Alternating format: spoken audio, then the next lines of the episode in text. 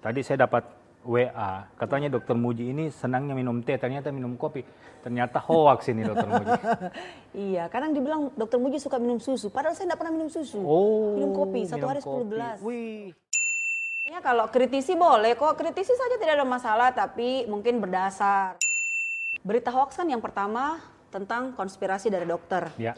Yang kedua, nakes mendapatkan uang banyak sekali. Betul. Padahal sebenarnya tenaga kesehatan 245 juta loh. Iya. Berita-berita hoax banyak ada yang malah mau menculik. Nah, Ah. ada berita hoax tuh yang mau Iya. menculik saya. Eh, saya. Dokter-dokter Ya, dia mau menculik dokter. Malahan ada yang menga- eh, menantang dokter Menantang ingin jadi relawan. ini relawan. Halo Tribuners, Anda sedang mendengarkan podcast Tribun Timur karena telinga mata kedua. Assalamualaikum warahmatullahi wabarakatuh. Kembali lagi di program Dokter Tribun bersama saya Dr. Wahyudi Muksin Sajana Hukum.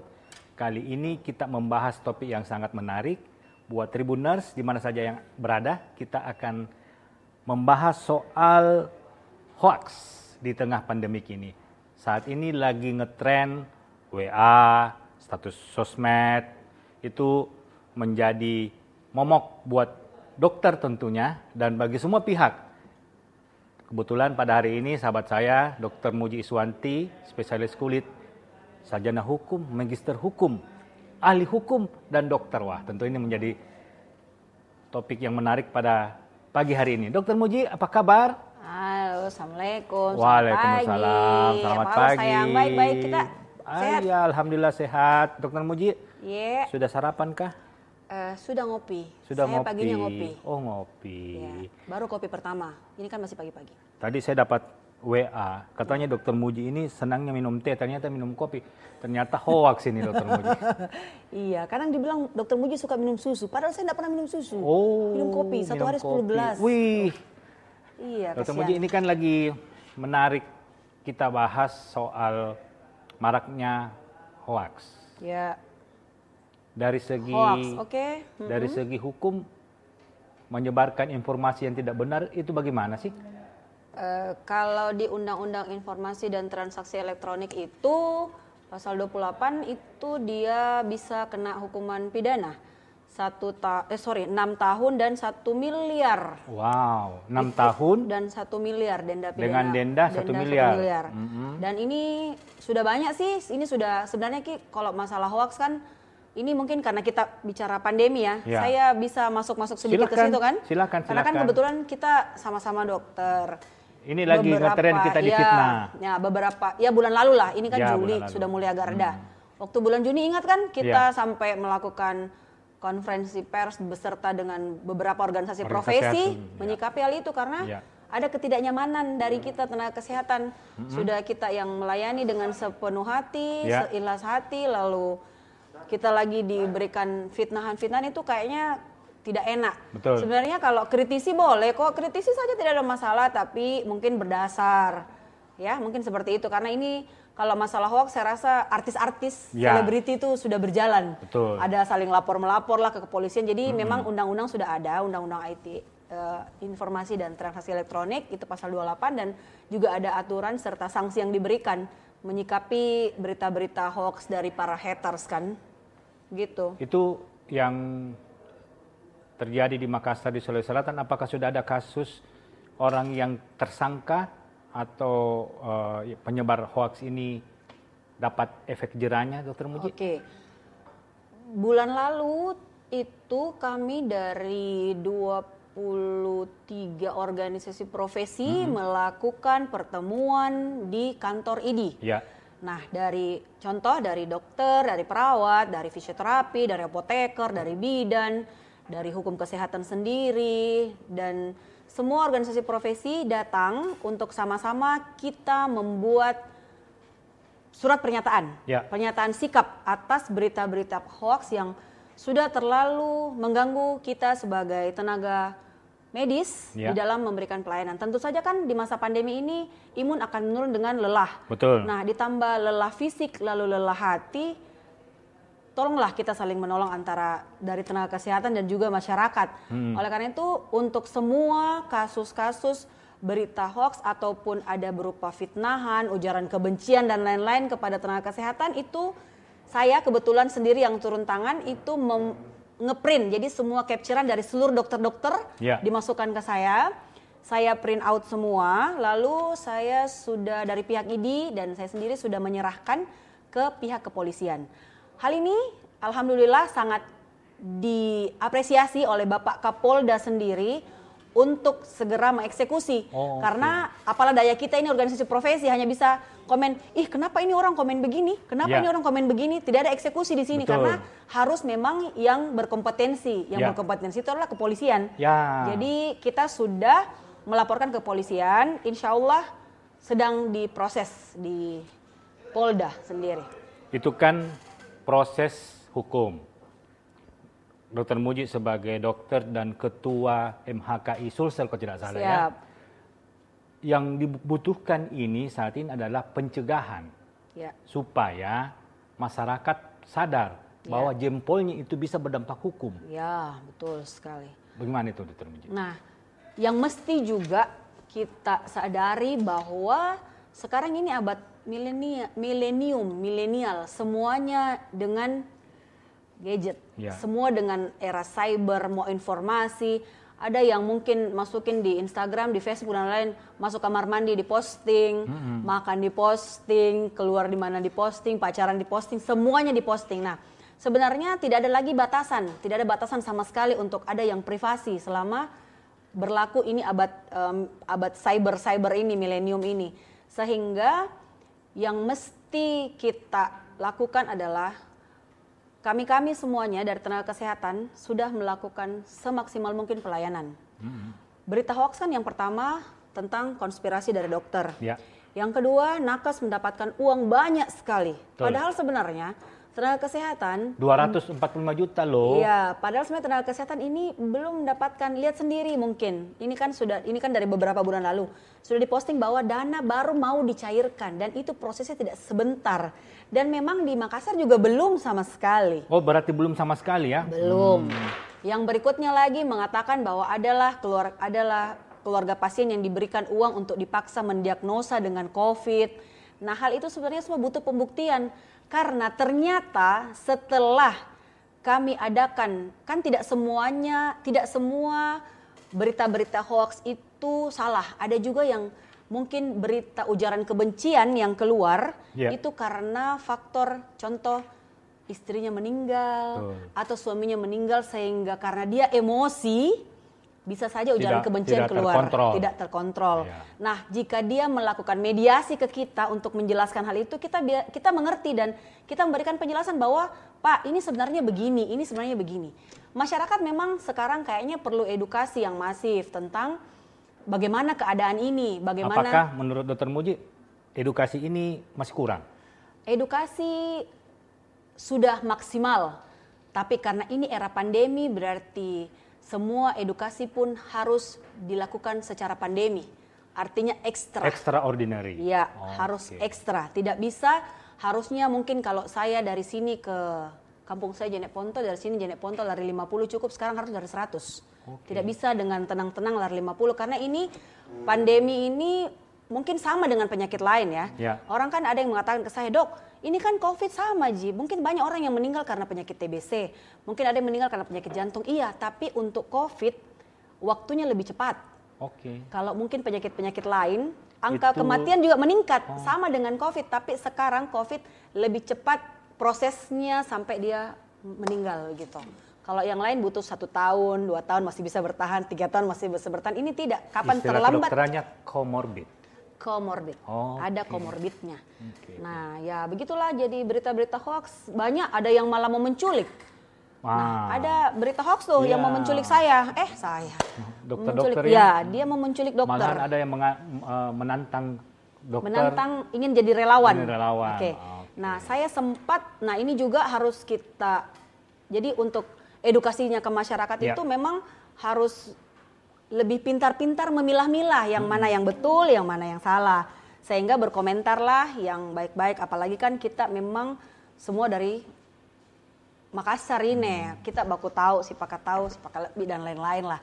Nah oke dari tenaga kesehatan mungkin karena masalah ini sudah ditangani oleh pihak kepolisian, jangan mikir terlalu galau dengan hal ini karena ada apa-apa silahkan laporkan. Untuk mungkin wilayah Makassar kan kita laporkan ke pihak Polda.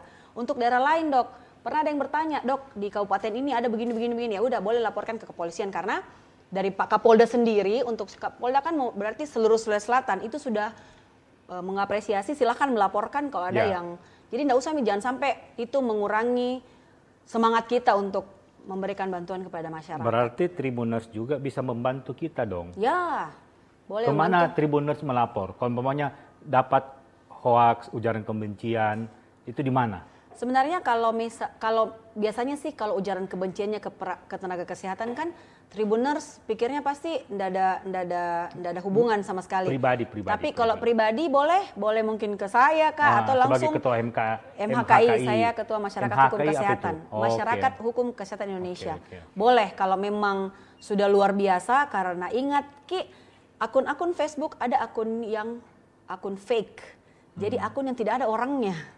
Sebenarnya memang uh, akun yang dibuat hanya untuk ada unsur di dalam yang lebih bukan cuman Eh, mungkin yang baik-baik, ada akun politik di dalamnya dan hmm. lain-lain. Itu banyak semua. Jadi ada malah yang menantang saya dan menantang beberapa tim gugus satgas itu menantang untuk jadi relawan. Oke, saya tantang, silahkan datang ya.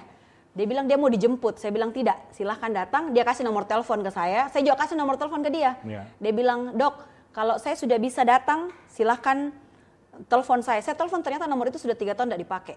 Hmm. Saya kebetulan juga, kita juga kan dari ID juga punya kolega ke cyber dan lain-lain, ke kepolisian, yeah. sehingga tidak segampang itu juga kamu bodoh-bodohin saya. Karena pastinya saya juga pasti mencari tahu nomor ini nomor bodong atau nomor apa. Jadi ternyata banyak nomor yang tidak dipakai lagi, sudah tidak oh, aktif lagi. Cuman memang punya niat. Iya, punya niat memecah belah. Memecah belah. Sedangkan okay. ini sekarang kita kan butuhnya ketenangan. Ya, betul. Yang butuh-butuh ya, adalah kerjasama Dok. Dokter Muji ya. Iya. Jangan sampai kita mau terpecah belah daripada isu-isu yang tidak benar. Ya betul sekali karena tidak ada untungnya malahan kalau misalnya ada yang posting dokter menerima uang ini akhirnya masyarakat kan kita kan manusia. Betul. Kita manusia itu refleks alamiahnya itu mengkritik, berkomentar. Kita bukan zaman dulu yang kalau kita berkomentar memikirkan mungkin dosa dan tidaknya sekarang ini tidak malah semakin panas semakin enak. Lebih gampang kalau saya lihat dokter Muji tersebar itu berita jelek daripada berita baik. Iya. dokter Muji ranking satu. Biasa aja. Biasa saja. Dokter Muji menyontek eh, pasti banyak. Pasti banyak yang iya. share. Nah, itu yang itu yang menjadi fenomena dokter iya. Muji ya. Terlalu kritis. Terlalu kritis atau terlalu kebablasan pakai Gadget. Gadget, ya seperti itu semuanya. Jadi gunakanlah, ingat gunakanlah gadget betul-betul secara sesuai dengan porsinya. Karena hati-hati, seperti tadi dokter Koboy bilang, dokter Yudi, jempolmu itu sekarang bisa bermasalah kalau misalnya tidak dipergunakan secara betul. Tribuners, mungkin kita akan lebih waspada bahwa dengan handphone bisa saja kita mendapatkan teman tapi dengan handphone pun bisa kita berdampak hukum. Dr. Muji mungkin bisa menjelaskan kepada Tribuners undang-undang IT yang mengatur semua ini apakah saat ini sudah teraplikasikan dengan baik atau belum maksimal? Sudah. Tadi yang saya katakan pasal 28 Undang-Undang IT ya. Apalagi itu? Uh, yang kan tadi denda satu miliar. Iya, denda satu miliar dengan penjara enam tahun kan. Hmm. Nah, kalau misalnya ini undang-undang ini sudah berlaku, sudah berlaku. malah sudah junto, sudah, sudah, junto, sudah ya? iya. Hmm. Jadi sudah berlaku dan sudah, cuman itu kan sebenarnya kapan kapan dilaporkan pada saat ada yang merasa dirugikan. Oke. Okay. Oke. Okay. Jadi selama saya digosipkan, contoh, kalau artis kan semakin digosipkan semakin suka. Betul. Tapi ada artis yang semakin digosipkan tidak suka, makanya itulah dilapor. Kenanya undang-undang IT. Oh. Undang-undang okay. IT itu. Pada saat sekarang ini kami melaporkan saya dan kami saya kebetulan dari MHKI dan juga 29 organisasi profesi 23 23 organisasi profesi itu melaporkan karena kita sudah merasa tidak nyaman. Tapi kapan saya nyaman-nyaman aja dengan kata-kata mereka? It's okay saya rasa. Selama tapi, tidak ada yang melapor. Iya, selama tidak ada yang melapor, saya rasa mereka berlanjut aja. Tapi kapan ada yang melapor dan kita eksekusi diproses ya bisa aja kena. Insya Allah kena, insya Allah kena. Ini sebentar dalam proses beberapa teman dokter sudah menanyakan dok bagaimana dok ya sabar karena tidak semudah itu secepat itu semua kan butuh proses di polisi kan bukan cuma ini yang mau dibahas kan mereka Dari upaya-upaya daripada dokter melalui MK, MHKI ini, Dokter Muji, penanganan terhadap COVID-19 yang rentan Hoax. terhadap fitnah, Ya. itu bagaimana eh, yang dilakukan pada saat hari ini? Nah, saya selaku ketua MHKI beberapa langkah yang saya lakukan ya. Beberapa eh, komentar-komentar hoax di status Instagram, Facebook Ya. ataupun WA, Betul? izin saya masuki untuk saya chat secara pribadi. Oh, jadi langsung Sudah ada. Sudah ada Mungkin ya? sekitar 25-an orang saya hitung dan semua ada buktinya. Ternyata ada yang sampai kata-kata kotor di Makassar banyak kata-kata bla bli bla bli. Saya sempat masukin, saya bilang tabe, apa yang kita mau tanyakan sebenarnya kita bisa ada yang saya masuk ke wallnya malah. Ya. Ada saya masuk ke wallnya di Facebook, yang di Instagram saya memang DM pribadi dan mereka rata-rata tidak tahu. Oh, gitu. Mereka tidak tahu. Jadi contoh saya tanya apa yang kita mau tanyakan, dia bilang tidak dok. Masalahnya ini eh, dijemput ini katanya mayat yang mayat semua yang dimakamkan secara COVID itu langsung saja dibungkus. Nah ternyata itu juga membuat mereka jengkel karena kata katanya mereka itu mayat yang untuk eh, mayat yang di protokol COVID pemakamannya pemulasarannya itu itu langsung saja dibungkus. Mereka kan pikirnya ini kita agama Islam. Ya. Ada disolatkan lah, dimandikan baik-baik. Mereka takutnya itu. Sehingga mereka satu kali ada yang memancing api bahwa ternyata mayat asal dibungkus saja. Sudah. Yang lain semua ikut-ikutan. Itulah makanya yang lagi ramai contoh penyebutan jenazah kan. Hmm, ya, ya, nah ya. setelah itu berita-berita yang lain contoh konspirasi. Ada yang mengatakan 241 juta dan 250 juta dan lain-lain. Kalau begitu kita sudah bisa kaya raya ya. Ya, itu kan sebenarnya ungkapan dari pihak pusat, Dok. Hmm. Pihak pusat mengatakan ada dana sebesar itu, tapi ingat Ki, 200 sekian juta sekian juta itu untuk berapa ribu rumah sakit dan ingat berapa ratus pakaian yang masih dipakai setiap hari, habis pakai dan lain-lain. Sebenarnya memang andai ada yang ingin betul-betul bertanya secara detail, silahkan telepon, silahkan datang. Jangan menyebarkan berita yang tidak benar atau jangan menyambung-nyambung berita yang tidak benar karena kan kasihan masyarakat yang cuma asal baca saja nanti ikut-ikutan mengatakan kita ini dokter ternyata mau uang saja padahal sebenarnya tidak demikian. Wah, sangat menarik diskusi kita pada pagi hari ini, Dr. Muji. Tribuners di mana saja berada, terima kasih Dr. Muji. Alhamdulillah diskusi kita pada pagi hari ini sangat menarik soal hoax dan bagaimana menangani hoax secara benar dan bagaimana pencegahannya. Siap. Kita jumpa dengan topik-topik kesehatan yang lainnya di program Dokter Tribun, tentunya bersama saya Dr. Wahyu Muksin Sajana Hukum. Terima kasih banyak, sehat selalu, jaga jarak, pakai masker, dan sering cuci tangan agar kita terhindar daripada COVID-19. Terima kasih banyak, salamnya kita pada salama. Assalamualaikum warahmatullahi wabarakatuh. Wabarakatuh. Terima kasih telah mendengarkan podcast ini. Dengarkan lagi podcast-podcast selanjutnya hanya di podcast Tribun Timur. Sampai jumpa.